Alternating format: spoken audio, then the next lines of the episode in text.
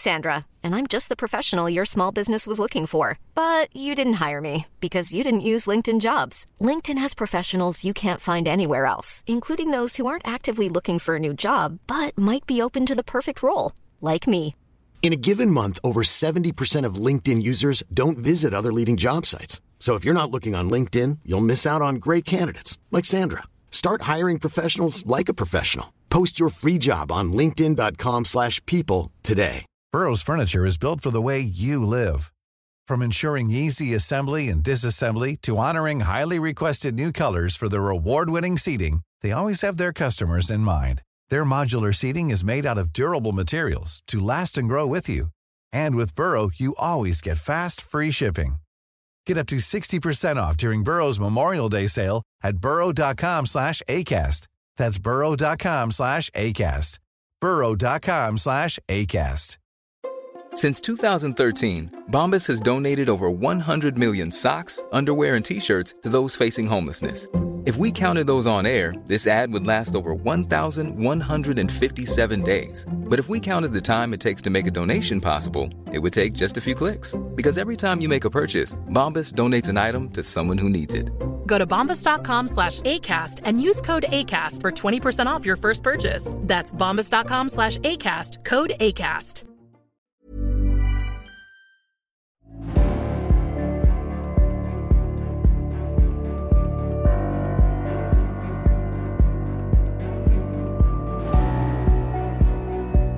Du lyssnar på podcasten Samtal, en podcast med fokus på fria samtal.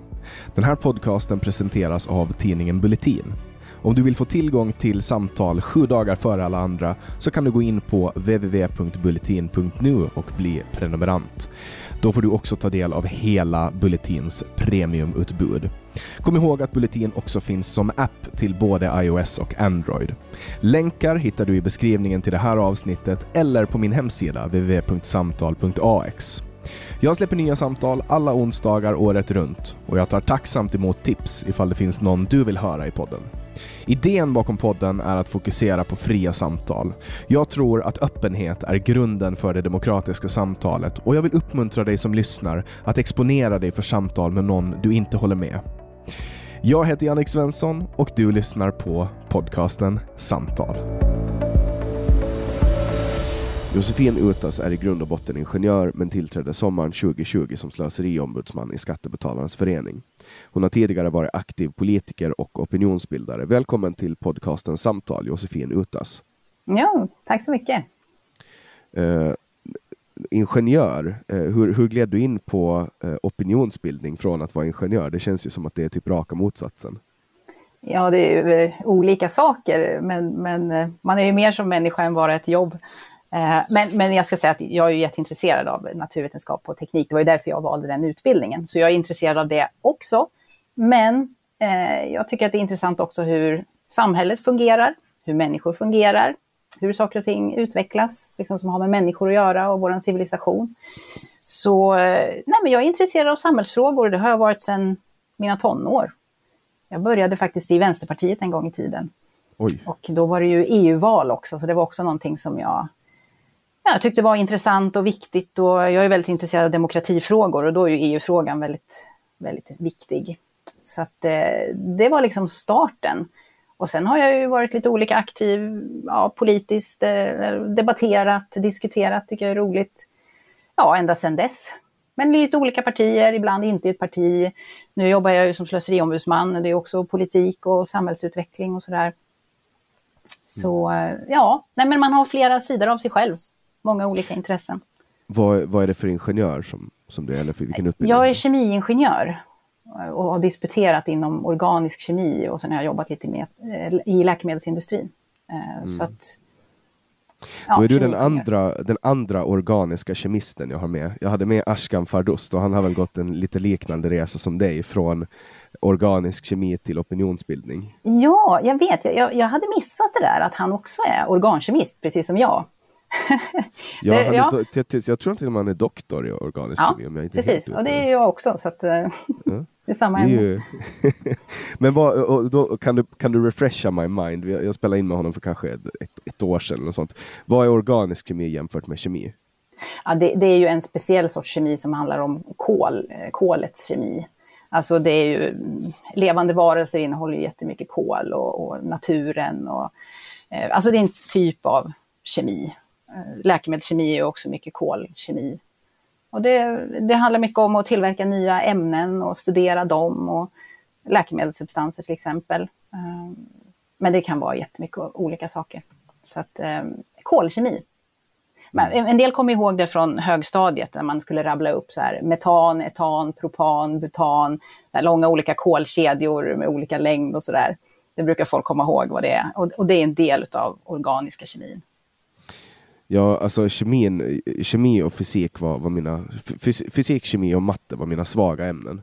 Aha. Eh, så när, när, någon, alltså när, när någon doktorerar i kemi eller fysik, då är det i min värld, eh, du vet, det, det är som att lära sig att flyga med händerna.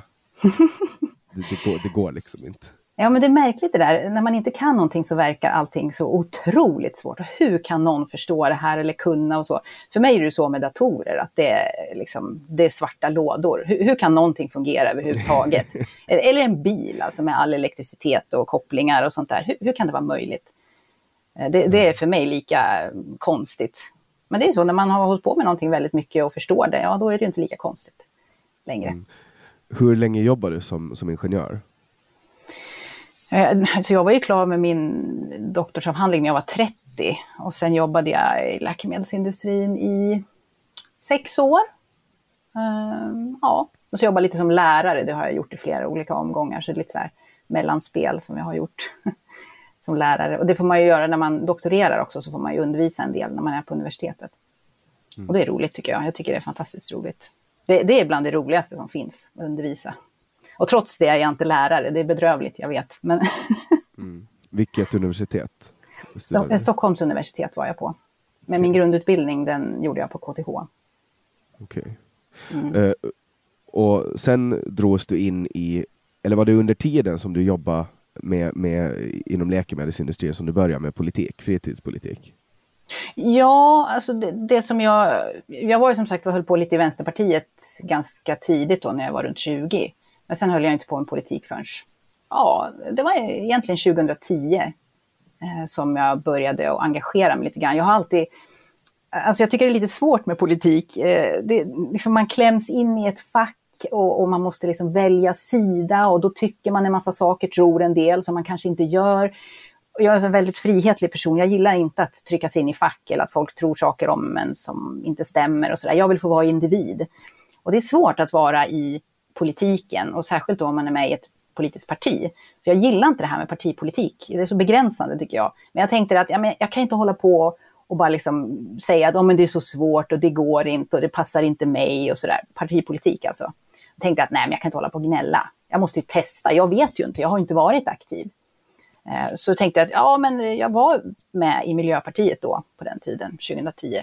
Jag kommer inte ihåg när jag gick med, men det var några år innan tror jag. Men då tänkte jag att nej, men nu ska jag börja gå på lite möten och, och liksom se vad, hur gör man? Vad händer? Ja, sådär. Och eh, ja, det var ju roligare och mer intressant än vad jag trodde. Mm. Uh, och dina erfarenheter då från Vänsterpartiet, var, var, var det ungdomligt oförstånd som lockade in dig i den rörelsen? Nej, men det är många som är vänster när de är unga. Eh, och det var väl jag också, liksom. man, man ville väl, man, man, tycker att alla ska ha det bra och fördela pengar. Det var ju ganska mycket det som jag var inne i då när jag har liksom rannsakat mig själv. Att ja, men vi har sånt överflöd i samhället och det är klart att det ska fördelas rättvist. Det är nog många som tänker på det sättet. Men då på den tiden tänkte jag ju aldrig på vartifrån de här pengarna kommer. Vad, vad, vad kommer de sig utav?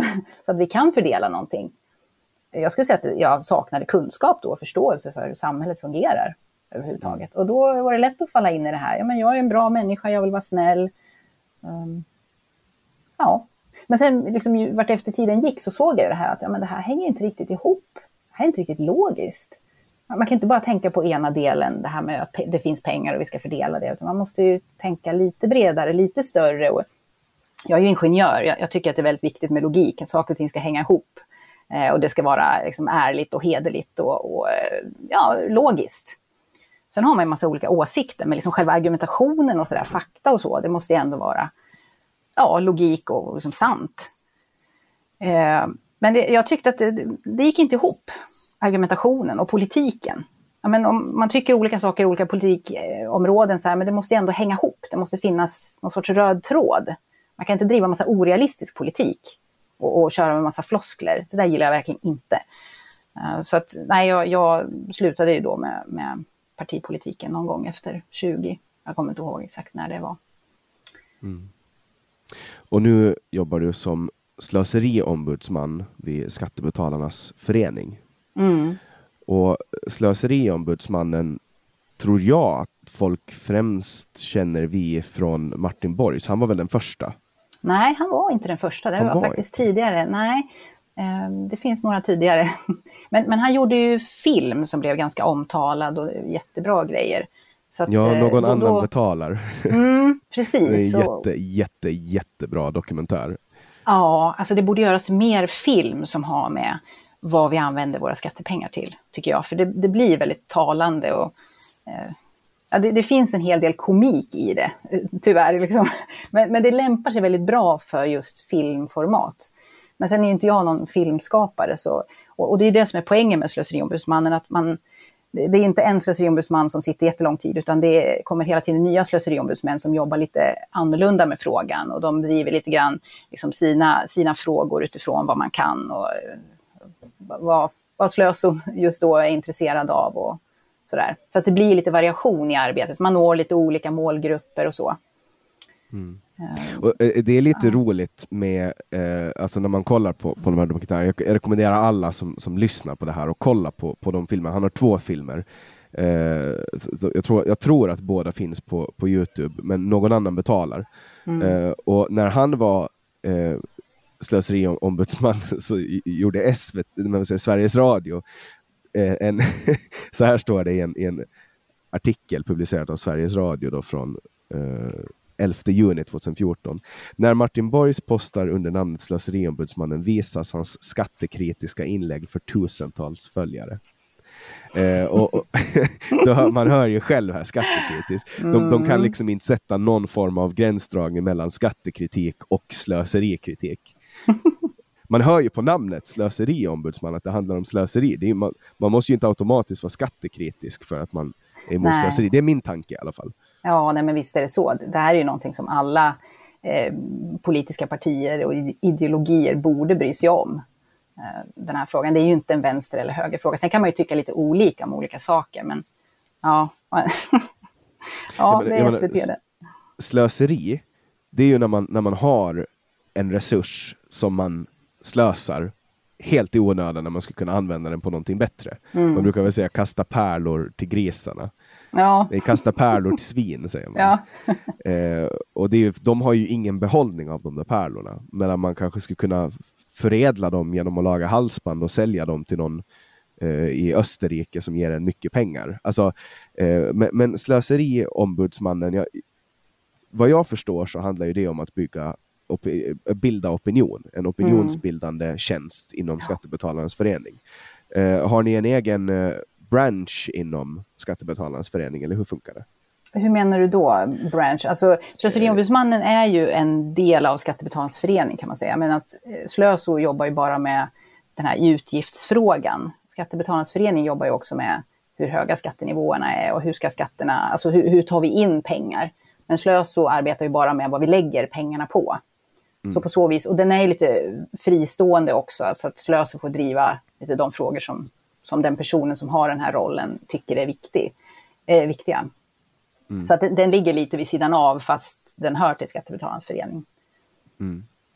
Uh, och har du några, det finns ju några otroligt uh, roliga uh, exempel på sjuka sätt som man har använt skattebetalarnas pengar. Som i till exempel någon annan betalar så finns det en rondell, det är någon kommunstyrelse någonstans, någon kommunfullmäktige som vill att, eh, att det ska vara lite trollsk stämning när man kommer in i den här stan. Så de sätter en rökmaskin i rondellen som kostar hur mycket som helst. Ja. Men först, först när de har installerat den så inser de att det är en trafikfara att skymma sikten. Mm. Har du några sådana roliga nutida exempel? För de här börjar ju bli ganska gamla. Ja, jag vet. Ja, nya sådana, alltså de där är ju väldigt, väldigt eh, tokiga. Det finns en del sådana, men jag, jag, undrar, jag har funderat lite grann på det. Jag har inte stött på sådana jättetokiga eh, exempel på slöserier. Massor med slöserier finns det, men just sådana där väldigt galna, det har jag faktiskt inte riktigt sett under min tid. Och jag funderar på det, är det bara för att jag inte har fått nys om dem? Eller är det för att Eh, politiker faktiskt tänker efter lite mer och att det kanske finns några inom kommunen eller inom partierna som säger att liksom, ja, det där är kanske inte riktigt smart. Vad, vad, vad kommer skattebetalarna säga om det här? Uh, jag vet inte om det är så att vi har blivit lite smartare. Men just det här att vi har ett väldigt snabbt medieklimat och informationen går väldigt fort. Alltså det räcker ju att en person ser någonting tokigt i den personens kommun, lägger ut det på sociala medier och sen kan det hamna i medierna och folk delar det och sådär. Alltså jag undrar om inte man har blivit lite mer försiktig. Mm. Jag hoppas det. Ja, precis, det kan man ju hoppas. Dock, som sagt det händer ju hur mycket som helst. Och, um, det, är inte så att det tar slut, slöseriet, tyvärr. Slösor lär, lär behövas under eh, överskådlig framtid, så länge det finns skattepengar egentligen. För det är det som är mm. själva problemet med skattepengar, eller problemet. Saken är ju den att, att det blir ju slöseri på grund av att det är någon annans pengar som våra politiker hanterar. Det är liksom grundproblematiken. Det gör inte ont i deras egna plånböcker om de tar fel beslut, därför att det är någon annans pengar. Ja, och så får man ju, det, det är ju det, det är ju någon annans pengar och det kan ju vara olagligt också. Alltså mm. jag kommer ihåg 2000, det var precis när jag flyttade till Sverige, så det måste ha varit runt 2016, 2017, så fanns det ett kamelcenter i Göteborg, eh, mm. eh, där de började att de skulle, de skulle importera kameler och så skulle folk få de menar liksom att det här var det perfekta integrationsprojektet. Eh, man kommer att kunna anställa hur många som helst eh, och, och, de menar att, att stora företag skulle få komma dit och göra modevisningar och grejer. Det var liksom jättekonstigt. och sen blev mm. de här nu under 2021 så blev de ju dömda för, för bedrägerier. för att de har liksom ja, men de har blåst bort massa skattepengar och så har de tagit pengar från Arbetsförmedlingen och satt i egna fickor. Mm det här är bara ett exempel som jag kommer på eh, nu från huvudet, men det, det har liksom gått över ganska lång tid. Mm. Eh, och, och, man, man får komma ihåg att, att, att hantera skattepengar, eh, det är ju andras pengar som man håller på med och det tänker inte folk på.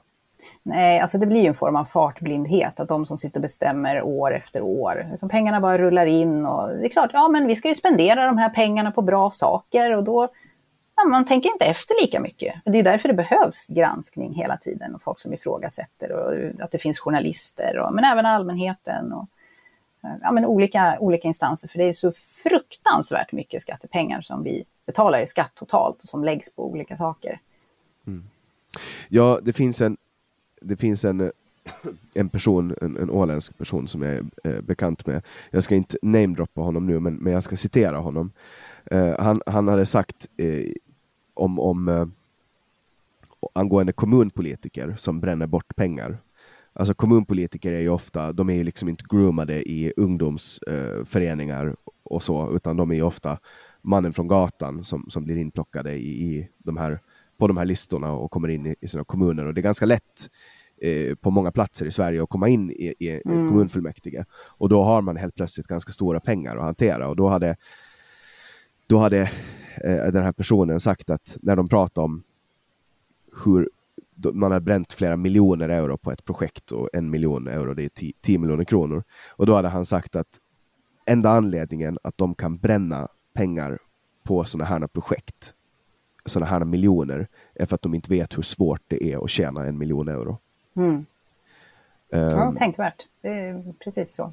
För att de, i, i, i en kommun, för en kommunfullmäktigeledamot eller en kommunstyrelseledamot eller ett kommunalråd, då kommer ju pengarna bara varje år. Så, så upp så, så kommer de, de spanar från ingenstans. Mm. Och sen är det bara att börja bränna dem.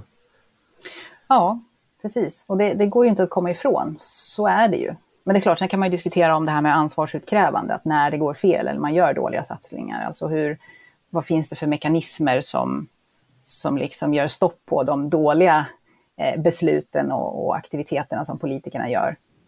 Och det, ja, det är ju inte demokrati är ju inte svaret.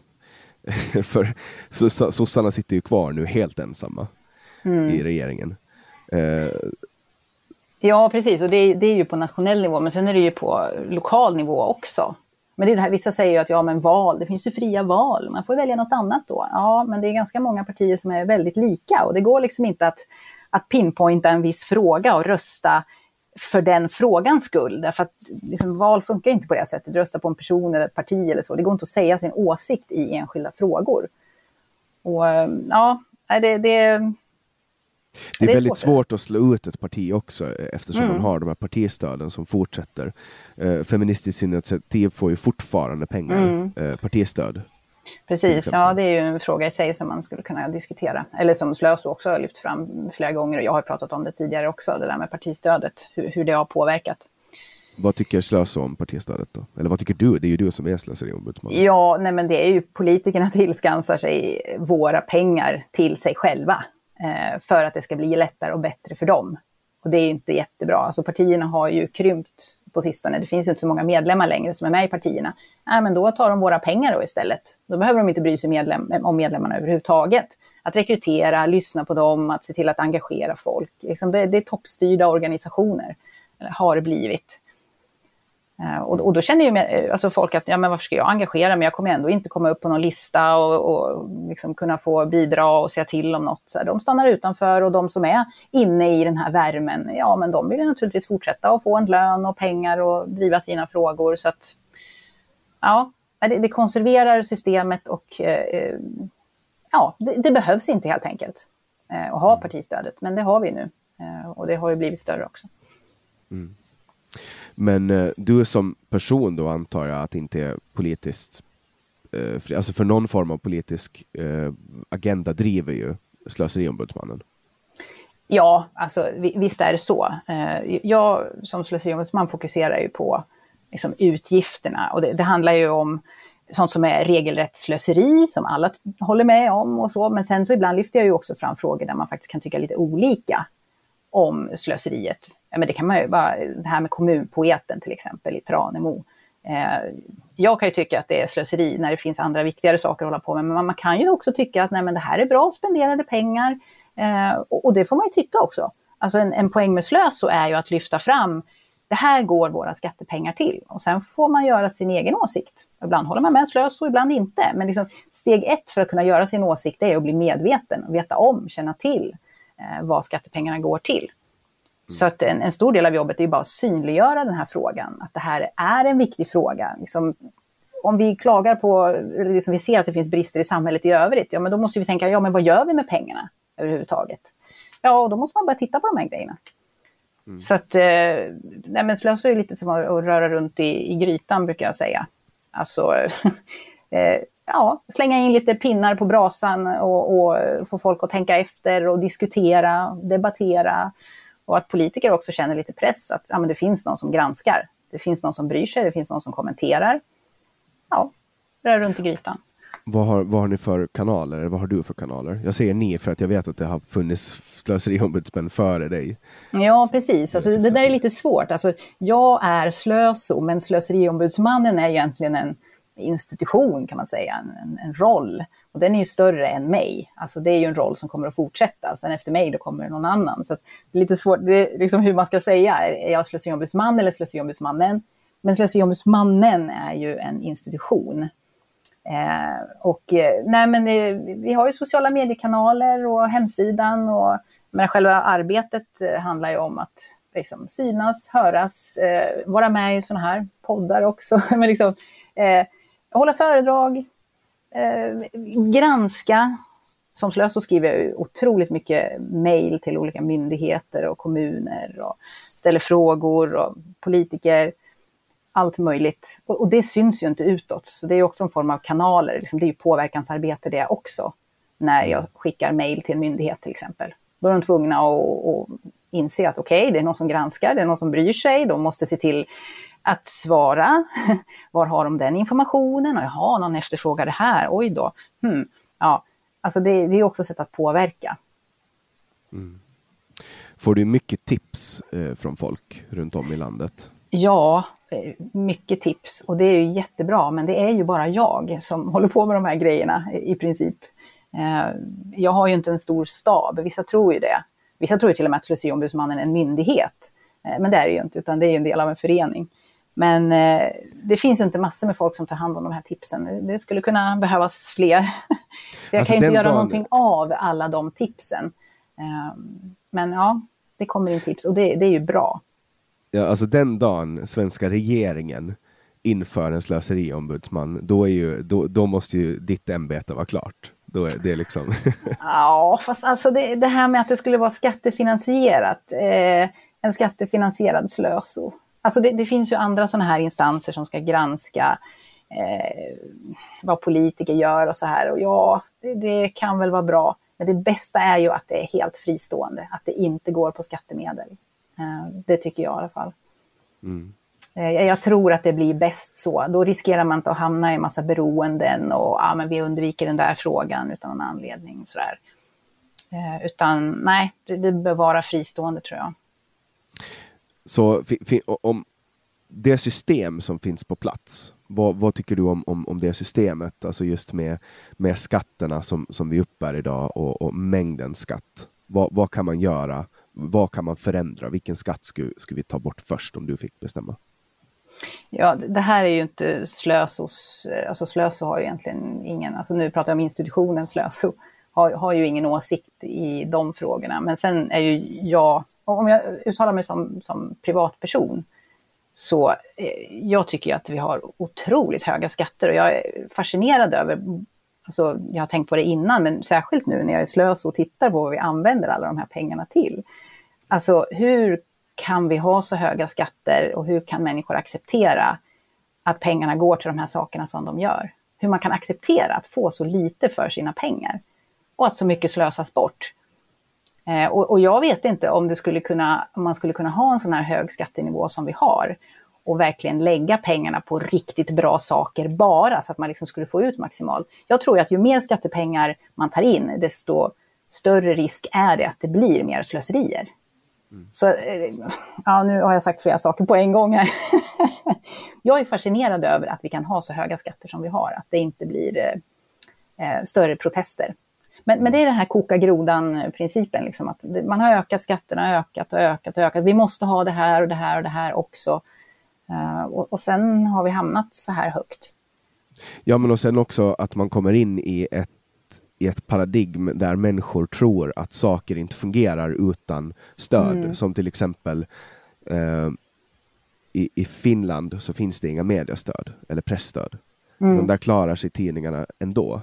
Mm. Och i Finland så finns det två officiella språk, finska och svenska, och det vet de, de flesta, men det bor drygt 200 000 svenskspråkiga i Finland, men ändå finns det svenskspråkiga tidningar. Och mm. det är mm. på grund av att det finns alltså i frånvaro av eh, regeringar som ger stöd så skapas det non-profits, alltså eh, foundations, vad heter det på, på svenska? Det heter fond, ja, men, olika typer av stiftelser och stiftelser och föreningar. Och, det kan säkert vara olika. Ja, och, och var, varvid då förmögna människor skänker pengar till de här stiftelserna som får mm. förvalta förmögenheten. För har du tillräckligt mycket pengar, säg att du har 100 miljoner kronor eller en miljard kronor, då kan du på avkastningen dela ut ganska mycket pengar och ändå fortsättningsvis varje år få väldigt bra avkastning.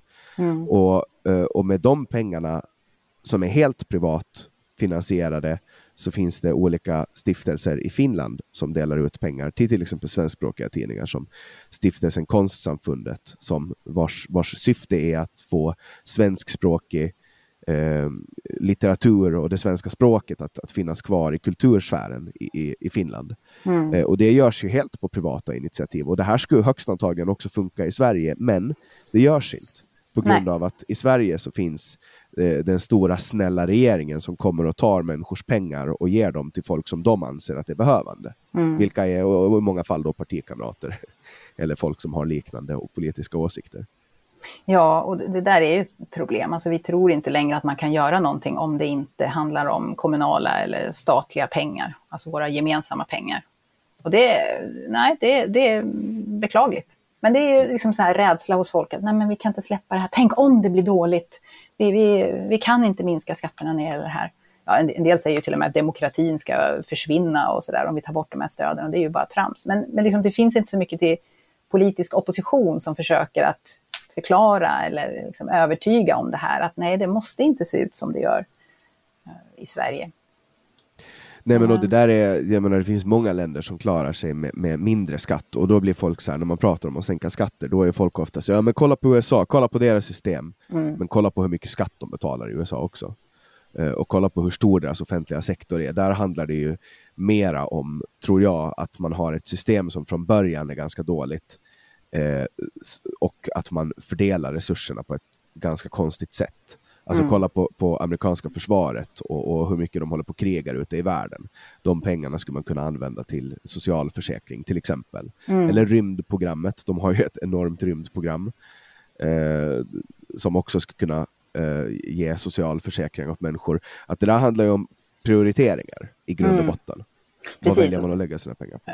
Ja, och även om, då, om man tar in lite skatt som du säger så kan man också lägga dem på fel saker. Precis som om man tar in mycket skatt så kan man lägga dem på fel saker slöseriet är ju, är ju det dåliga. Men, men sen är det ju det, men alltså när man tar in mycket skatt så då blir det ju minskad frihet för individer att själva lägga pengar på eller gynna det som de själva tycker är viktigt. Utan här blir det ju det som staten tycker är viktigt.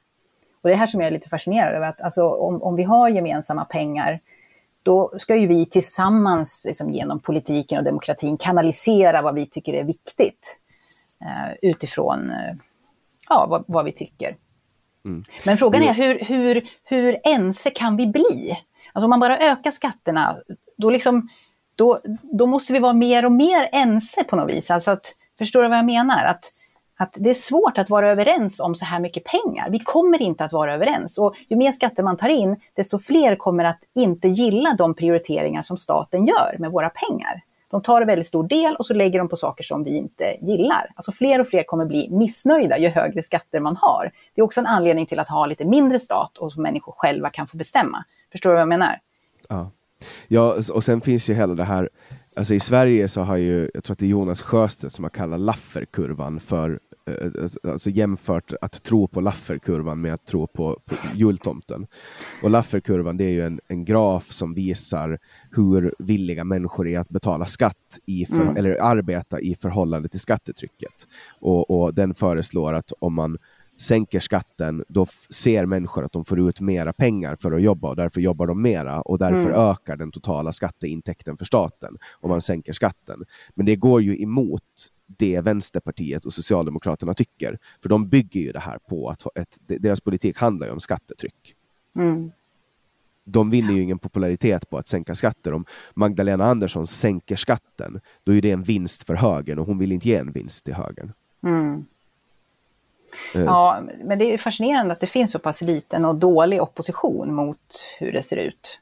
Alltså, det är en sak att, att människor är övertygade om att ja, men det här som vi har nu, det är det bästa. Sådär. Men, men det finns ju knappt några som, som jobbar för att visa att det finns alternativ som faktiskt skulle vara bättre.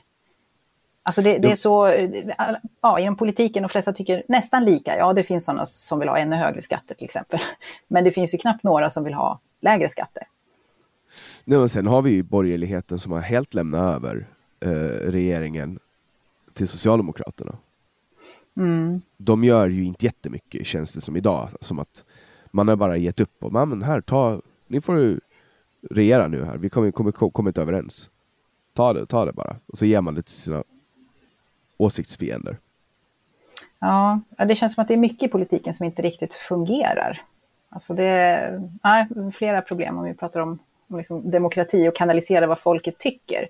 Det är väldigt mycket beslut som tas i frågor som inte alls folket tycker, men det blir så ändå med sådana här som höghastighetståg. Liksom. Vilka är det som står på barrikaderna för det? Vissa är det som bara, ja men bara vi får höghastighetstågen då kommer vi lösa alla problem och därför måste vi ha det, liksom. vi måste absolut ha det. Nej, men det blir höghastighetståg ändå, trots att det är ingen knapp som driver den frågan. Eh, det bara liksom blir politiska beslut som egentligen ingen vill ha. Mm. Det, det, är för att, det är för att ett parti med typ 5, någonting procent i riksdagen har det som hjärtefråga och så går de in i regeringen och har det som eh, sin heliga fråga. Och då finns det ju, inom politiken så finns det ju den här eh, någon form av heder, att man hedrar varandras hjärtefrågor. Och det där har ju varit Per Bolunds våta dröm, att bygga mera tåg. Liksom. Ja, fast jag förstår inte ens riktigt där heller, för det är inte någonting som de har sagt att ja, bara vi får hög, liksom höghastighetstågen då. Okej, okay, man behöver inte tycka att det är den viktigaste frågan, men, men jag tycker inte att de har drivit på så hårt för det heller. Men de kan ju ändå visa upp det när det är någon som frågar, ja, men vad har ni gjort? Jo, men vi har drivit igenom höghastighetståg.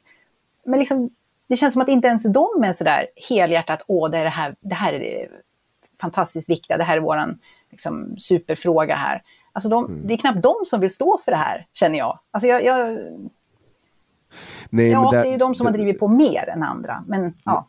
När det kommer till transporter också, om man kollar på flygindustrin och hur deras utsläpp minskar eh, årligen eh, och, och, hur kraven och också, alltså det, det, det är också flygbolagens i, i flygbolagens intresse att, tillverka, alltså att ha så billiga flyg som möjligt. Alltså att släppa ut så lite bränsle som, eller använda så lite bränsle som möjligt.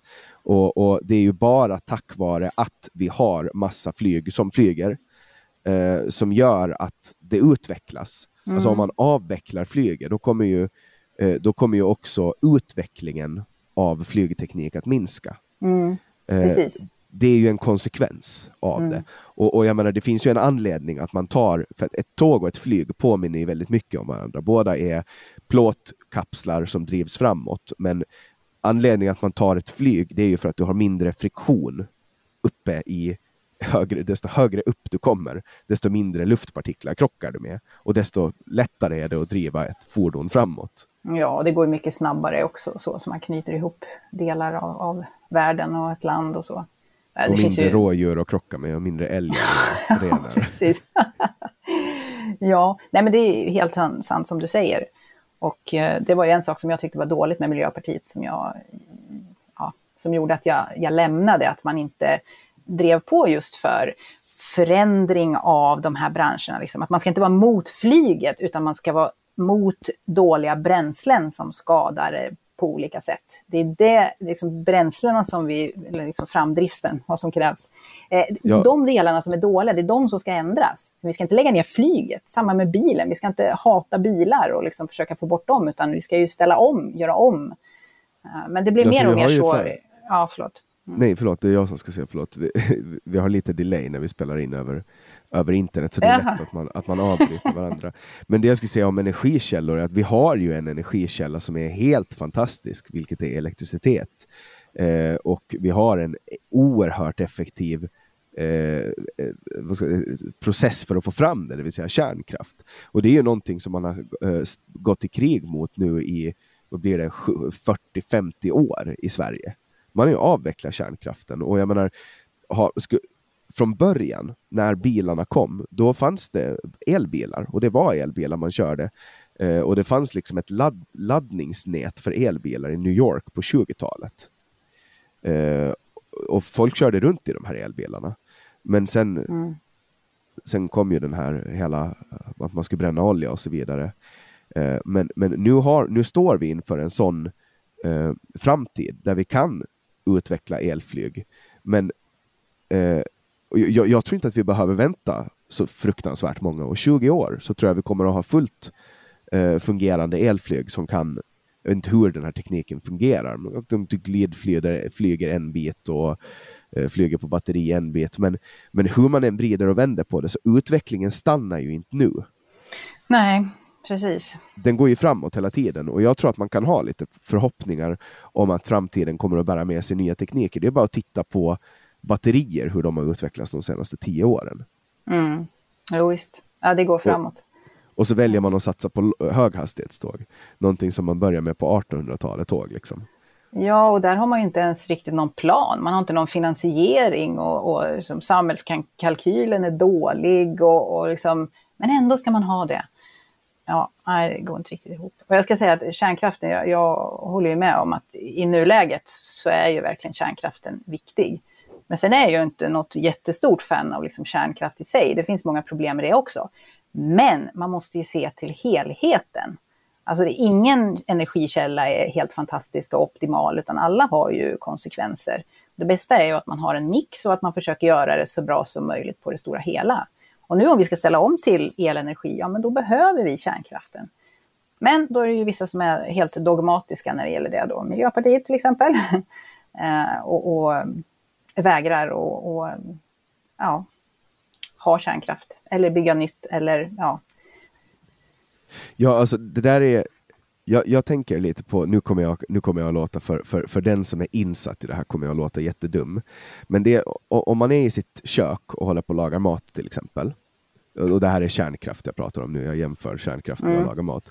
Då kanske man, man öppnar ett paket köttfärs, man öppnar ett paket broccoli och då slänger man allting i soptunnan och det är tillfälligt förvar. Man slänger, man slänger det i, i, i soptunnan och det är ett tillfälligt förvar. Sen tar man sin soppåse kanske två dagar senare eller en dag senare. Så tar man sin soppåse, återförsluter den och så går man med den till ett slutförvar. det vill säga eh, sopstationen då, eller om man har ett sopnedkast om man har tur nog att ha det. Um, och därefter så gör man ju någonting med soporna. De flesta soporna åker iväg och blir uppeldade och så blir de ny energi. Mm. Eh, och, och, så går det ut i värmenätet eh, eller så kanske man driver ångturbiner som, som skapar ny elektricitet av det. Och, och, så har vi ju lärt oss att göra med det här avfallet. Förut så kastade vi bara ut det. Alltså på eh, 14-1500-talet så kastade man ut skräpet på, på liksom om man bodde i Gamla stan då i Stockholm, så kastar man ut det genom fönstret. Mm. Men sen har man lärt sig med tiden att nej, men det här är inte bra. Vi, vi, vi hittar ett nytt sätt. Och, och det har man ju gjort nu när det kommer till kärnkraft. Man har liksom slutförvar man har mellanlagringar så har man slutförvar. Men nu har man liksom uppfunnit teknik som åtminstone i teorin kan göra att man kan öppna upp slutförvar, ta ut gammalt kärnbränsle och återanvända delar av det. Mm. Och då minskar man eh, den här halveringstiden då, så länge som, som ämnena är radioaktiva. Och om vi bara har lite tillförsikt och, och har is i magen så tror jag, och det är bara jag tror, jag, har liksom, jag är positiv, jag är inte så negativ när det kommer till det här, så tror jag att, att om vi redan idag kan eh, minska halveringstiden och öppna upp våra slutförvar och använda det bränslet, så kanske vi inom en överskådlig framtid kommer till en punkt där vi aldrig behöver utvinna nytt material för att bränna, utan att vi bara kan använda gammalt material för att vi blir bättre och bättre på den här tekniken. Vi förfinar det. Och det är ju, det, genom att satsa på kärnkraft. Sverige har ju varit en av de ledande i världen på kärnkraft. Mm. Men sen beslutar man i någon form av frenzy på var det 70-talet, att nej men nu får ingen någonsin bygga ett nytt kärnkraftverk i Sverige. Ja, det här med att man inte har fått forska på och utveckla och studera, och så här, det har ju verkligen varit hål i huvudet. Det är ju helt galet. Ehm, men, men det finns fortfarande sådana tendenser nu när man pratar om klimatet och sådär, att det finns tendenser att, att vissa saker får man inte studera därför att det är, eh, för att man skulle motverka ehm, klimatförändringar för att ja, men det kan göra att man kanske vill använda den här metoden och den är för farlig så att vi, vi får inte, nej, de, liksom forskarna ska inte ens göra de här experimenten. Så tyvärr finns det där tänket fortfarande kvar eh, idag. Ja, så gjorde man ju till exempel på, eh, på, på narkotika. Det fanns ju viss narkotika som, som läkemedelsindustrin fann jättevettig som eh, diamorfin till exempel, som man kan använda som smärtstillande, eller amfetamin som man kan använda som ADHD-tabletter. Men, men alla andra droger så fick man inte forska på i Sverige, för mm. att det var haram. Eh, det, det, och, och det känns ju mer som att man är rädd för vad man ska komma fram till. För man visste ju redan då att alltså morfin har man, man har använt eh, opiater hur länge som helst. Jag tror till och med typ indianerna använde eh, opiater på något sätt eh, förädla vallmo eller någon form av tidigare nomadiskt folk har använt vallmo för att kunna liksom få fram smärtstillande och man har använt eh, koka plantor som man har tuggat och så vidare. Eh, och det här har man ju vetat länge att det finns saker man kan hämta i naturen som, som har eh, läkemedels mm. eller effekter som kan vara bra inom läkemedel. Eh, men, men, det har man också förbjudit i Sverige. Nu har man ju börjat göra det igen. Man forskar ju på, på eh, vad heter det, eh, alltså psykoaktiva droger, typ LSD och, och svamp på Karolinska nu. Mm. Det, men det är ju någonting man har börjat med nu, men det, kom, det var, slutade man med på 70-talet. Tänk vad mm. man skulle kunna ha kommit fram till under de här åren. Man kanske ska ha gjort något jättestort breakthrough, kanske bota någon sjukdom, whatever. Mm. Ja, jag, jag, kan inte just eh, liksom, det ämnet, men det, ja. Men att hindra jag, folk jag, från att forska liksom. Mm, precis, alltså jag är ju forskarutbildad och jag, har ju, jag, jag tycker att man ska få forska på saker, för det handlar ju om att lära nya saker. Och man vet ju inte från början vad det kan leda fram till. Och ja, det kan leda fram till dåliga saker. Men man måste också tänka på att det kan leda fram till bra saker. Eh, och därför så tycker jag att man, man ska få forska på och undersöka i princip allt. Sen är det en annan sak tycker jag om man till exempel ska använda människor eller mänsklig vävnad eller någonting sånt där. Alltså de etiska frågorna. Vad, vad, liksom, hur får man testa saker och så på människor till exempel. Det är någonting som jag tycker att man kan diskutera mera. Eh, men just det här att man inte ska få forska på vissa ämnen eller frågor eller något sånt där, det tycker jag är galet. Vi, vi, vi, måste ha en sån pass öppen inställning till vetenskap och se hur mycket bra som det har lett till, men också skulle kunna leda till. Så det tycker jag inte att vi ska begränsa. Mm. Nej, men som till exempel eh, kloning, eh, alltså att man klonar ett, ett djur. Det var någonting man upptäckte, det var första, det var ett får, var väl det första kloningen mm, som, man, som man gjorde. Dolly, och det var, vad kan det ha varit på 60-70-talet eller något sånt. Ja, jag vet inte, det var nog lite senare tror jag. Ja, ja det, det, är ganska nytt, men då kom man ju ganska snabbt överens om att, att det, det, det, här kan vara ett problem. Vi har kommit till en, vetenskapen har liksom lyft till en nivå nu, nu att vi kan klona folk. Vi skulle kunna laga, vi skulle kunna skapa hundra stycken Stefan Löfven om vi klonar honom. Uh, och, och, det skulle bli, för det första skulle det bli väldigt obehagligt eh, alltså rent mentalt, men sen skulle det rent fysiskt också vara ganska farligt. Eh, och, och, och när man klonar så blir det också mycket missfall och, och det blir, kan bli skador för djuren då som, mm. som, som och, och, då kommer man ganska snabbt överens, och det är ganska rimligt. Att så här, mm. men det här kanske vi inte ska hålla på med när det kommer till vetenskap. Vi kan göra det nu, kanske man kan klona möss eller whatever för att kunna använda dem i forskning. Men kanske inte boskap eller människor. Ja, precis. Och sen att man korsar arter och sådär. Det kan man också diskutera ibland när man sätter in liksom gener från någon art i en annan art. Som, så att det blir någonting helt annat. alltså vi, vi har ju gjort växtförädling och sånt där och det är ju inte fel i sig. Men, men det kan dyka upp definitivt etiska frågeställningar där man kanske bör dra en gräns. Det tycker jag också. Men liksom generellt sett när det gäller vetenskap och, och att undersöka saker så är jag verkligen för det jag, jag är en sån här nyfiken person i, i grunden också. Det är därför jag har hållit på med eh, alltså vetenskap. Naturvetenskap är ju mina, mina favoritämnen. Det handlar om att jag vill förstå saker och liksom gräva i saker. Ja, det där med att förstå saker, det tycker jag är, en, en fantastisk drivkraft som gör livet så mycket roligare också. Mm.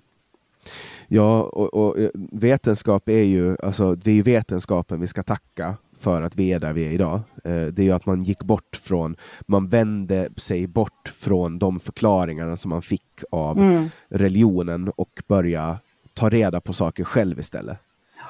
Ja, nu, nu, är det ju svårt att förstå att man hade då en kyrka tidigare till exempel, bland annat, som hindrade att man utforskade saker eller testade saker eller pratade om vissa saker eller föreslog vissa saker. Alltså för oss är det ju ganska främmande. Men så var det ju en större del av liksom människans hela historia. Det är ju först de senaste typ 500 åren eller någonting sånt där kanske, ja, kanske lite längre, beroende på var det är på jordklotet, som vi ja, verkligen har börjat ju. ifrågasätta eller ställa frågor helt enkelt. Och börjat ja, fundera över svaren. Det kommer ju väldigt mycket människor till Sverige och har kommit från länder där man har eh, lite äldre tankar och, och, kanske har lite mer man är lite mer religiös och tror mera på skrifter.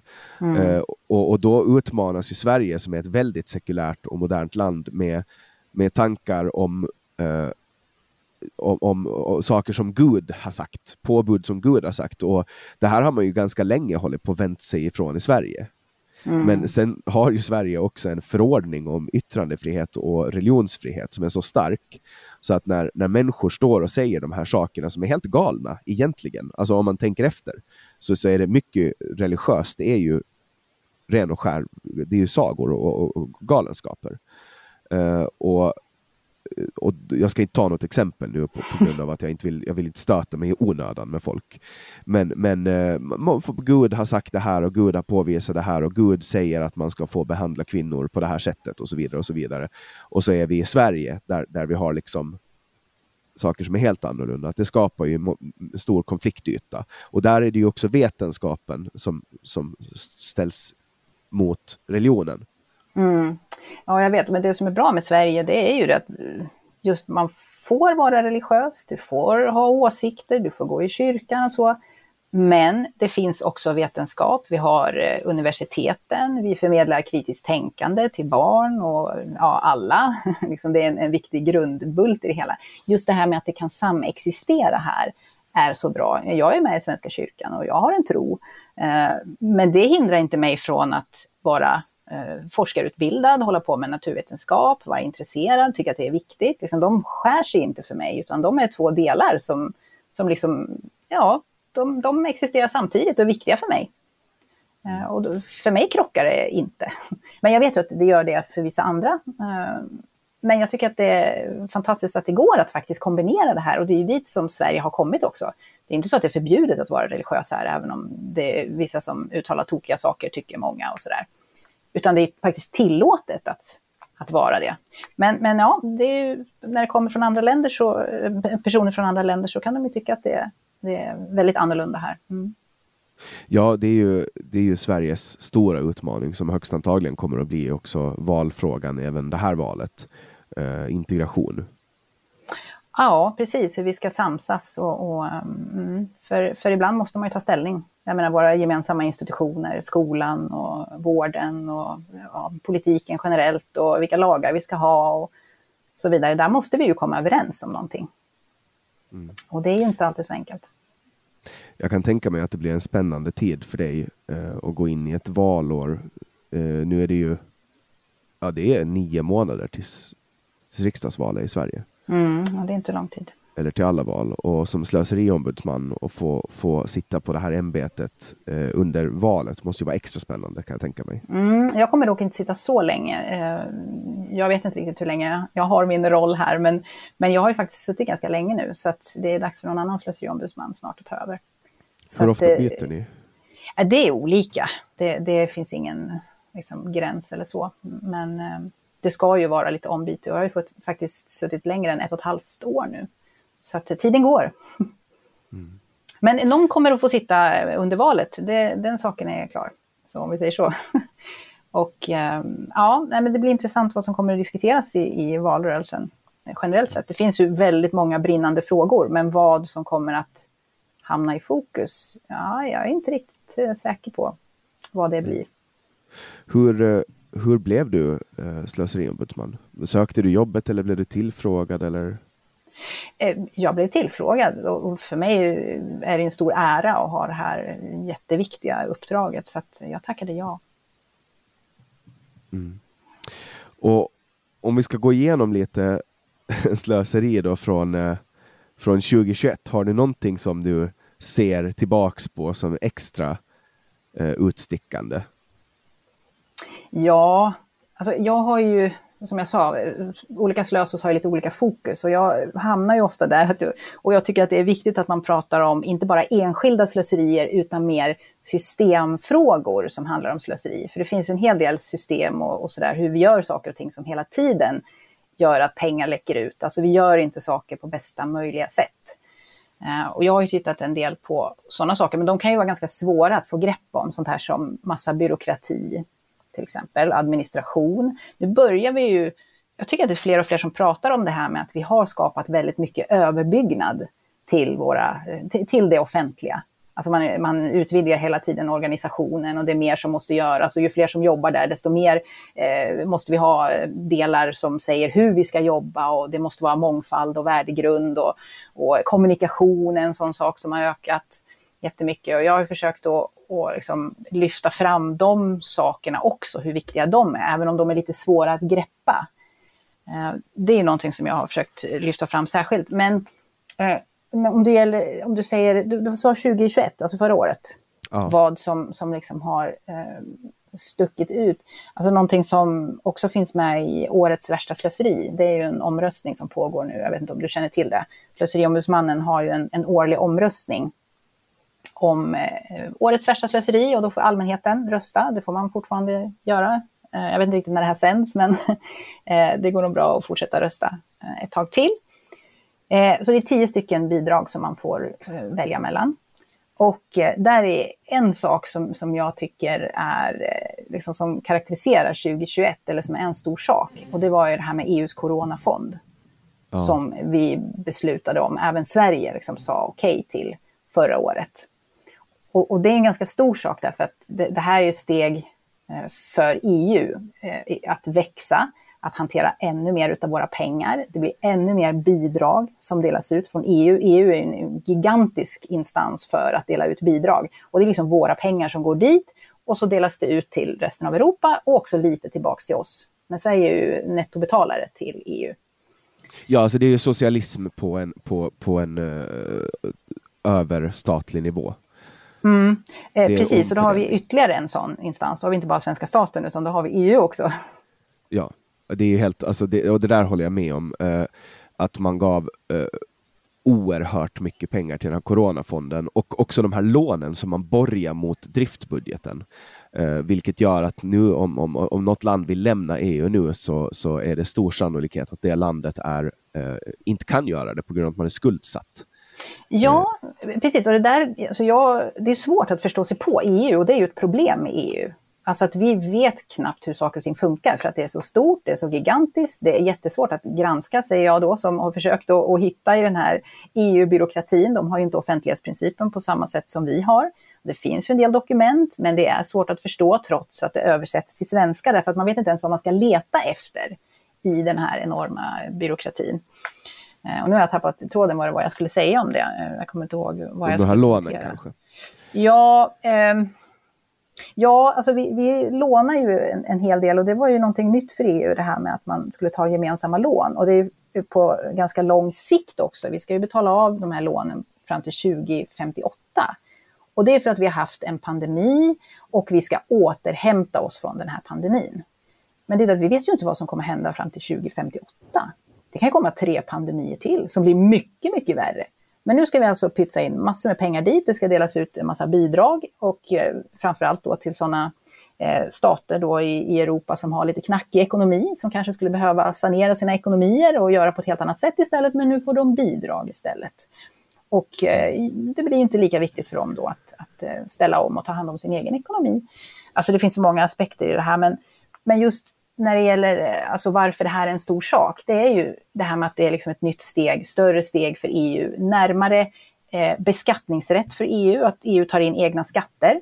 Det är någonting som EU inte har gjort, men det finns ju, alltså EU håller på att ta fram system för hur de ska ta in skatter från medborgarna i EU direkt. Och inte genom medlemsländerna som man gör nu. Alla medlemsländer betalar ju medlemsavgift. Det är ju den stora potten. Eh, ja, så att, gå det blir större och större och mer överstatligt. Vi kan väl gå igenom eh, de här tio bidragen som finns. Eh, om vi börjar med nummer ett, studiecirklar som inte finns. Mm.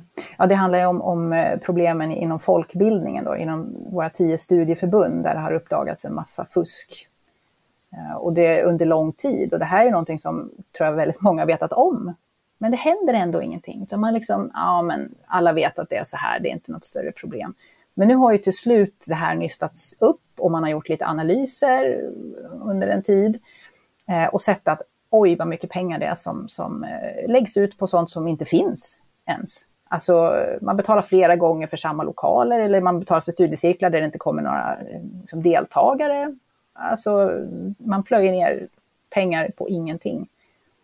Och det här är ju sossarnas hjärtebarn. Alltså mm. arbetsgivarnas bildningsförbund och studiecirklar och Ibn Rushdi och alla de, i, vad heter de, Ibn, Ibn Rushd heter ja, Ibn Rushd. Också, Precis, och, men man kan ju ställa frågan också överhuvudtaget det här med folkbildningen. Alltså för, för 50 år sedan eller 100 år sedan, jag vet inte när de började ge ut det här, men då, då kanske den här typen av folkbildning var väldigt, väldigt viktig, för det fanns inte något annat. Men i dagens samhälle så ser det lite annorlunda ut.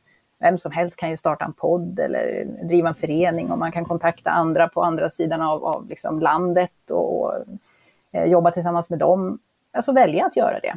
Så det finns så många olika sätt att utbilda sig på eller förkovra sig eller jobba tillsammans med andra. Behöver vi ens det här? Eh, är en fråga man kan ställa sig också. Mm. Och nummer två, draperad poesi, en hög skräp som någon har kastat i Borlänge. ja, det ser ut som det, men det är ju skulpturer. Men, men det ja, det ser ut som eh, skräp. Mm. Det, är någon, det, är ju, vad jag, jag, det jag ser det är att någon har dumpat eh, dumpa sitt skräp mitt i en park. Mm. Precis, och, och liksom, folk ska ju bo i den där miljön. Alltså det, det är ju hus runt omkring där. Och då får de se det där skräpet där. Alltså det, ja, jag, jag tycker att det är slöseri. Ja, och den här, den här kostar 1,7 miljoner. Mm, och till och med lite till men jag vet inte exakt hur mycket. Men ja. Ja, det är, ja, bra. Det... det... är bra. Det ska man kunna göra med sitt skräp. Jag skulle inte ha någonting emot att få 1,7 miljoner skattekronor för att dumpa mitt skräp i Stureparken.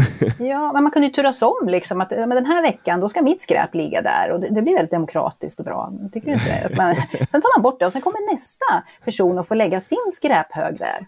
Det, det, det här är ju innovativt. Nu, nu blir jag kreativ.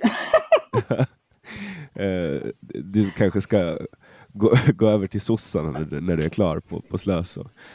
För det, det är så man får saker att hända i det här landet. Eh, nummer tre, skolplattformen i Stockholm. Det här har jag pratat ganska mycket om i min andra podd, Generation YX. Mm -hmm. Kan du berätta lite om den skolplattformen? Ja, det är ett, ett uh, IT-system som man har utvecklat i Stockholms stad som inte har blivit så bra. Det har försenats väldigt mycket. Det har kostat eh, ohemult mycket pengar, uppåt en miljard kronor. Och det är ändå inte bra. Man har haft säkerhetsproblem, eh, till och med fått eh, som bannor från det som förut hette Dataskyddsinspektionen. Det heter Integritetsskyddsmyndigheten nu om jag kommer ihåg rätt. Ehm, alltså mycket pengar för eh, inte bra resultat. Och det, här är ju ett typfall Alltså IT-system är ju någonting som man plöjer ner oerhört mycket pengar i och man verkar vara väldigt dålig beställare generellt sett från det offentliga. Tyvärr, alltså vad, vad, man önskar för någonting. Och sen verkar det vara så att man inte heller, när, när det inte blir som tänkt eller när de, de här som ska leverera det här, för det här har ju varit företag som har levererat eh, den här tjänsten eller programmet eller så. Alltså man, från det offentliga sida så ställer man inte krav på att man verkligen ska få det som man har eh, sagt att man ska ha vad är det vi ska ha, när ska vi ha det, följer de inte det, ja men då ska man inte betala heller för det. Alltså att man, man sätter press på. Men det är igen det här, när det inte är ens egna pengar, då sätter man inte lika stor press, man bryr sig inte lika mycket. Um, nej men när, när Slöso lyfter fram någonting sånt här, det är ju för lärande. Alltså att andra kommuner ska veta att hmm, man kanske ska tänka efter lite om man ska göra en sån här stort projekt. Kanske kan man köpa in ett befintligt system istället som man vet fungerar bra istället för att bygga sitt eget och man ska liksom skryta med det att wow, vi har det här fina systemet. Och, ja. ja. det som hände sen var ju att man på frivillig basis med hjälp av en öppen API byggde en egen skolplattform som var mycket bättre. Och mm. då anmälde Stockholms stad dem eh, för dataintrång eh, bland annat och massa annat. Ja, precis. De, de, liksom använde, de byggde en app utav den informationen som kom från skolplattformen. Och då var det ju tal om att ja, men snor de den här informationen utan att de får det. Men, men det gjorde man ju inte, utan liksom allt var i sin ordning. Men så då, som du säger, man plöjde ner en massa pengar på att försöka bekämpa det här initiativet, öppna skolplattformen som det heter. Ännu mer slöseri alltså. Uh, nummer fyra då. kriminella bokar resor via universitetet. Det här har jag också pratat om eh, tidigare. Ja, precis. Ja, det, det, är ju som det låter. Alltså, det var Uppsala universitet i det här fallet, men eh, tydligen så kan det ha skett på fler ställen, säger polisen i alla fall. Jag tror att det var polisen som jag kommer inte ihåg. Men i alla fall som har tagit sig in i universitetets bokningssystem för resor och bokat resor, alltså internationella resor, har lyckats göra det. Och så har de smugglat människor, vapen och droger. Ja, precis. Alltså då, det, är ju, det, det, är väldigt företagsamt måste man ju säga, att man har lyckats göra det här. Och Men alltså det här visar ju också på att alltså det, kan ju ske sådana här misstag och fel i det offentliga. Det offentliga är ju inte liksom, ofelbart, men men våra system är ganska naiva oftast. Alltså vi, vi är samma med, med våra straff och kriminalvård och allt möjligt. Alltså våra välfärdssystem som det sker väldigt mycket fusk i. Alltså att man tror så gott om människor, så väl om människor. Ja, det är fint. Men eh, det är öppet för bedragare att ta för sig. Och det är inte okej. Okay. Nej, det, fin det finns lite system eh, som, som hindrar. Eh, vi pratade redan om, om nummer fem på årets värsta slöseri. Eh, men nummer sex, kommunpoeten i Tranemo nämnde vi, men det är också så roligt så vi måste vi måste prata lite mer om det. Ja, nej men det var ju en eh, kommun som kom på en idé att de skulle ha en kommunpoet som diktar om kommunen. Och så eh, hittade de en person som, som sökte pengar från en statlig myndighet eh, för att vara Tranemos kommunpoet. Och fick de pengarna, ungefär 900 000 kronor. Och ska då skriva dikter om vad som händer i kommunen och se kommuninvånarna och så. Och det, det kan man ju tycka att det, det kan man ju ha. Men, eh, och den här kommunen försökte ju skylla från sig att ja, men det är ju inte våra pengar, det är ju statens pengar där. Ja, men det är ju någon som betalar de här pengarna. Men om det nu var så att kommunen tyckte att det här var jätteviktigt för kommunen, då hade ju kommunen själv kunnat lägga pengar på den här saken för att det var så viktigt för kommunen och invånarna. Men nej, då liksom hämtar man in pengar från staten. Det här är ju också en sån här relation, alltså kommuner kontra staten som jag har försökt att lyfta fram och synliggöra, för det, det tänker man inte så ofta på. Man tänker liksom kommunerna har sin ekonomi, men i själva verket finns det massor med statsbidrag. Den här gången så går det genom en person, men det finns också massor med pengar som går från staten till kommunerna i form av bidrag, alltså statsbidrag. Eh, så att pengarna glider runt här i systemen. Och det är inte folk medvetna om riktigt. Mm, det är ju också oerhört orättvist mot alla andra poeter i Tranemo att en person ska få producera en dikt i veckan medan de andra inte får betalt för det. Han får 900 000, eller hon, eller hen. Men eh, alla, andra alla andra poeter får ja. ingenting. Dock är det ju så att det är väldigt många som får pengar just för sådana här kulturella eller konstnärliga eh, konstnärligt arbete. Det finns ju väldigt många Eh, myndigheter som ger ut de här pengarna, men också kommuner som ger till sådana pengar. Alltså grejen att kommunpoeten i det här fallet har blivit så omtalat, det är nog den här kommunpoet-titeln som har provocerat folk. Men, men de ska ju vara medvetna om, de som provoceras av det, är ju att vi, vi ger ut hur mycket pengar som helst, många miljarder varje år till sådana här liknande saker, men då kallas det inte för kommunpoet utan det finns andra typer av, av eh, vad de kallas. Kommunkoreografer finns det till exempel. Eh, men, men sen också bara, ja men man ger bidrag till konstnärer eller grupper eller vad det nu är för någonting. Och, och det kan man ju diskutera, men, men ja, man, man bör liksom lyfta blicken lite grann, inte bara stirra på den här kommunpoeten, tycker jag. Uh, nummer sju, bistånd till Afghanistan med skralt resultat. Mm. Ja, det är det här med, med, bistånd. I det här fallet så handlar det om just Afghanistanbiståndet eftersom det är någonting som har diskuterats. Att man har gjort en liten utvärdering av det, hur det har gått med det biståndet. Och vi vet ju vad som har hänt i Afghanistan förra året. Då, ehm, när länder drog sig tillbaka och talibanerna tog över. Ehm, men, men det handlar ju alltså om att man, man har använt biståndspengarna till lite fel saker. Man eh, har haft väldigt god tro, man vill införa jämställdhet och demokrati och sådana här fina, luddiga saker. Men att det som ger bäst resultat är snarare mer konkreta eh, liksom hjälpinsatser. Alltså att Sverige, men också andra länder, har en tro att man kan förändra eh, människors mentalitet och värderingar och hela samhällssystemet och sådär. Men det är inte så himla enkelt. Det är liksom kulturellt betingat. Det, det, det är jättesvårt att ändra människor det är svårt att förändra sig själv ens om man vill det, men att för, försöka förändra ett helt samhälle utifrån är oerhört svårt. Och sen är det ju kopplat till korruption också, att, att pengar hamnar i fel fickor och så vidare. Så att eh, ja, man kan ju fråga sig hur mycket man har fått ut av det här biståndet. Alltså, en, en del bra saker har man naturligtvis gjort. Det handlar om väldigt många miljarder som man har gett. Men det finns en hel del miljarder som kanske hade kunnat användas på bättre sätt. Ja, alltså att det är ju en, en ganska typisk svensk grej att tro att man kan förändra andra länder eh, mm. utan att ha en grundläggande förståelse för hur förändring fungerar. För det är precis som du säger, alltså, bara på ett personligt plan och försöka förändra en enkel vana som att stiga upp tio minuter tidigare, sluta snusa eller alltså snusa med, med, med väckarklockan. Snusa det är också någonting man, många säkert vill göra, men alltså bara sådana små saker är svåra. Tänk då bara försöka förändra en hel nation som har hundra, mm. inte hundra men tusentals år eh, av traditioner. Mm. Uh, nu, nu, har man ju lyckats ganska bra när man i 20 år har haft ett uh, Afghanistan där folk har fått gå i skola. Och det skulle ju ha varit eventuellt då framtiden, att den här nya generationen skulle fått med sina uh, kanske lite mer sekulariserade åsikter kunna få ta över landet på, på sikt. Men det hoppet är ju, det, det är ju borta nu. Ja, det funkade ju inte riktigt så. Eh, det var inte så enkelt. Eh, nej, men det, man har inte tillräckligt stabila eh, institutioner där om jag förstår det rätt. Alltså som kan stå emot. Ja, ja det kan man ju prata mer om. Men det, det, där är typiskt, jag, jag bara säga det här storhetsvansinnet. Jag, jag, håller bara, jag, helt, jag håller helt med om det som du säger, alltså att Sverige tror att man kan förändra jättemycket ute i världen. Och eh, man gör fina reklamfilmer och, och, allt möjligt och eh, kampanjer och sånt där. Men liksom, det funkar inte på det sättet.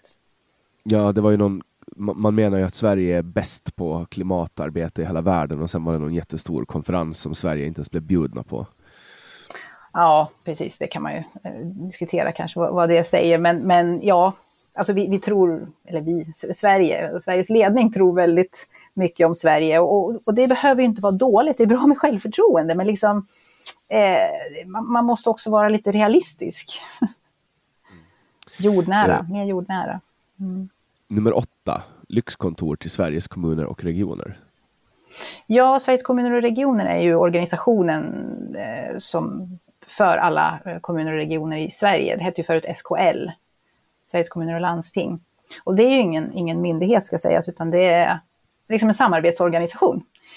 Eh, och eh, de vill ha större kontor till sina tjänstemän och de vill bygga ett nytt sånt i Stockholm som kommer att kosta väldigt mycket pengar. Och det sticker lite grann i ögonen varför man kanske överhuvudtaget behöver ha kontoret där, men varför det ska vara så fint och kosta så mycket pengar. Men ett problem med det här är att man inte ens är villig att berätta vad det här kommer att kosta. Och eh, det, det, det här återkommer när det gäller eh, SKR, att man är, man är ju som sagt inte en myndighet och man är inte så transparent med vad man håller på med. Och det är inte bra.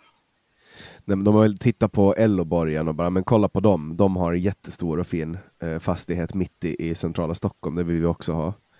Ja, men det är igen det här egenintresse, alltså att man, eh, man tänker inte på vems pengar det är man, man hanterar.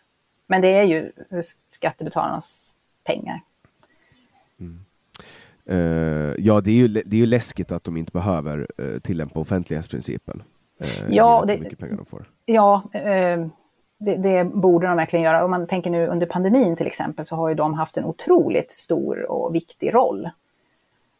Och, alltså de agerar som en myndighet, men de är ingen myndighet. Och det, liksom, det, går inte att granska på samma sätt som det går att granska andra myndigheter. Och det är verkligen ett transparensproblem. Ur deras perspektiv är det bästa ur två världar. De ja. får hur mycket pengar som helst från staten och de behöver inte redovisa det för någon. Precis. Jag har ju försökt att få kontakt med dem, och, men att de lämnar till exempel inte ut telefonnummer och så som man kan prata med någon handläggare, utan man får skicka mail och så. Så att, eh, det, det, liksom, det känns som en, det är en mur man möter. Ja. Nummer nio. Rosa enhörningen i Malmö. Mm.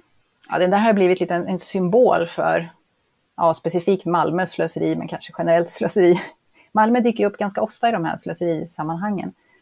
Eh, det var en, en eh, ja, utsmyckning som man köpte in som kostade 900 000 någonting, 850 000. Ehm, I samband med World Pride. Man är ju också med i Malmö i alla typer av sådana här kulturjippon och så. Det här var ju ett av de gipporna som har varit. Och eh, ja, det är en rosa blinkande enhörning. Och den har nu fått vinterskrud, så man återanvänder den och det är ju trevligt. Men det kostade ytterligare några hundratusen när man gjorde om den till lite så här vinterfin. Och så står den där och så ser den glad och så ut. Eller all, alla som tittar på den blir väldigt glada, eh, sa kommunalrådet. Man tror ju inte att det är sant. uh, den, det, alltså om man kollar också på omgivningen så har de ju byggt den som en staty. Mm. Eh, som man, alla de här fina statyer på herrar på häst som man har haft, eller som man har. Den är byggd som det, men bara det att man har målat den rosa. Ja, precis. Och sen på regnbågsfundament då.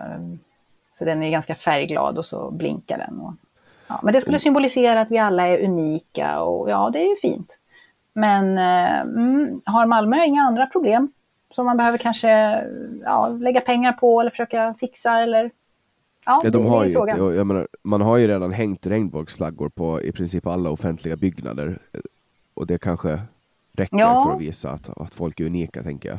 Ja, sen målade man ju om alla, eller alla, över hundra parkbänkar och massa papperskorgar och sånt där i, i regnbågsfärger också. Det kostade en halv miljon. Ja, det är, i, ur mitt perspektiv så är det där att driva politik. Alltså man driver, man, man, man använder, man, man använder offentlig myndighetsutövning till att driva politik. Ja, man kan ju ha olika eh, syn på det där, men, men frågan är ju om det här är den bästa möjliga användningen av skattepengar. Det här kommunalrådet, han sa ju att han, han tyckte att den här kritiken var jättefånig. Vadå? Ska vi, ska vi inte ha några blomkrukor mera i stan? Sådär? Ja, fast alltså, det är en sak att man har lite grann för att det ska se trevligt ut på vissa enskilda platser och så. Men det, liksom, alternativet är ju inte att strössla med pengar helt överallt och ha liksom tusentals sådana här blomkrukor överallt och de får kosta hur mycket som helst. Liksom, det måste finnas ett, ett mellanalternativ, en, en balans i det hela som de kan rättfärdiga och som känns bra för befolkningen. Alltså det är så fånigt, eh, hela den argumentationen. Så att ja, den, den står med på listan, enhörningen. Det finns ju, det finns ju konst som är fin för människor, alltså som ur objektivt kan klassas som fin. Kanske man ska fokusera lite mer på det, tänker jag.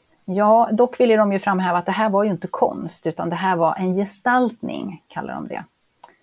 Eh, så det är ja. inte konstverk. Det finns ingen, ingen upphovsman eller kvinna för det här verket, utan det kommer från ett företag man har köpt in. Ja. Men, men ja, jag håller helt med dig. Och, och det, det är en sak man kan diskutera också, apropå det här med skräpkonst, hur de offentliga miljöerna ser ut. Jag hade sett Liljevalchs nya byggnad. Mm. Ja, den jo, den har Slös också lyft fram. Ja. det, är ju, det är ju bland det vidrigaste jag sett i hela mitt liv. Alltså i byggnadsväg. Man har liksom gjutit betong. Uh, det ser ut som en äggkartong. Mm. Och det här ja. har man gjort mitt på Djurgården. Alltså kommande generationer kommer att döma oss på ett fruktansvärt sätt för, för det vi har gjort mot stadsbilden, tänker jag. Ja, det är inte det enda eh, som, som ser lite skumt ut i dagens arkitektur, eh, tyvärr.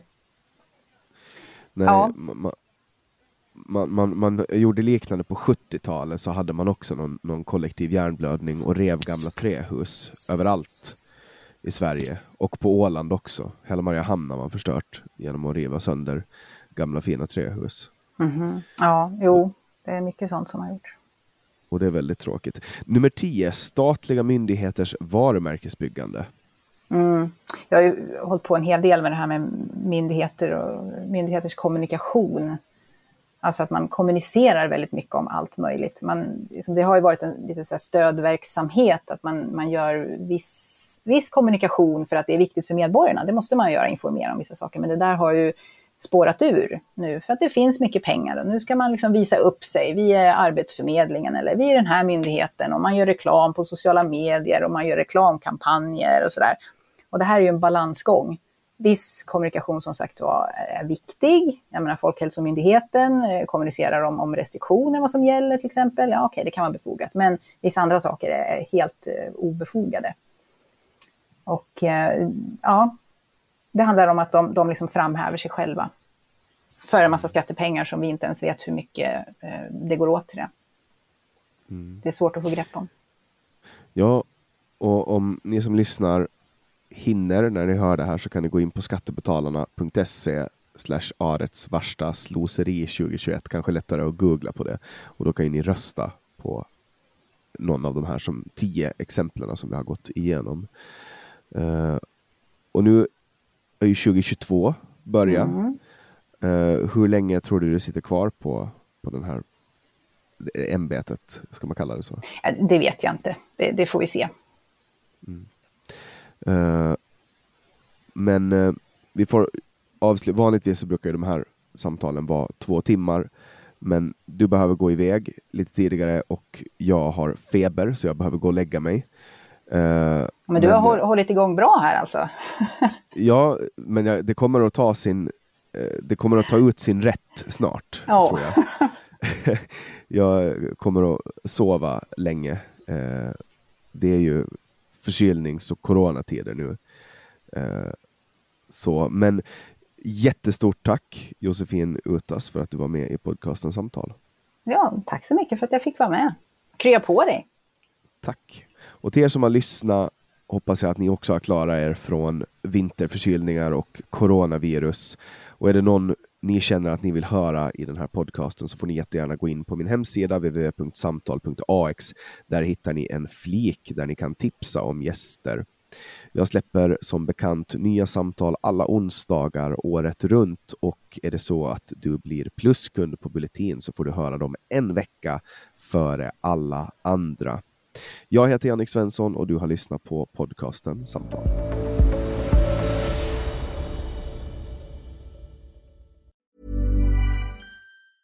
A lot can happen in three years, like a chatbot may be your new best friend. But what won't change? Needing health insurance. United Healthcare Tri Term Medical Plans, underwritten by Golden Rule Insurance Company, offer flexible, budget friendly coverage that lasts nearly three years in some states. Learn more at uh1.com. Even when we're on a budget, we still deserve nice things.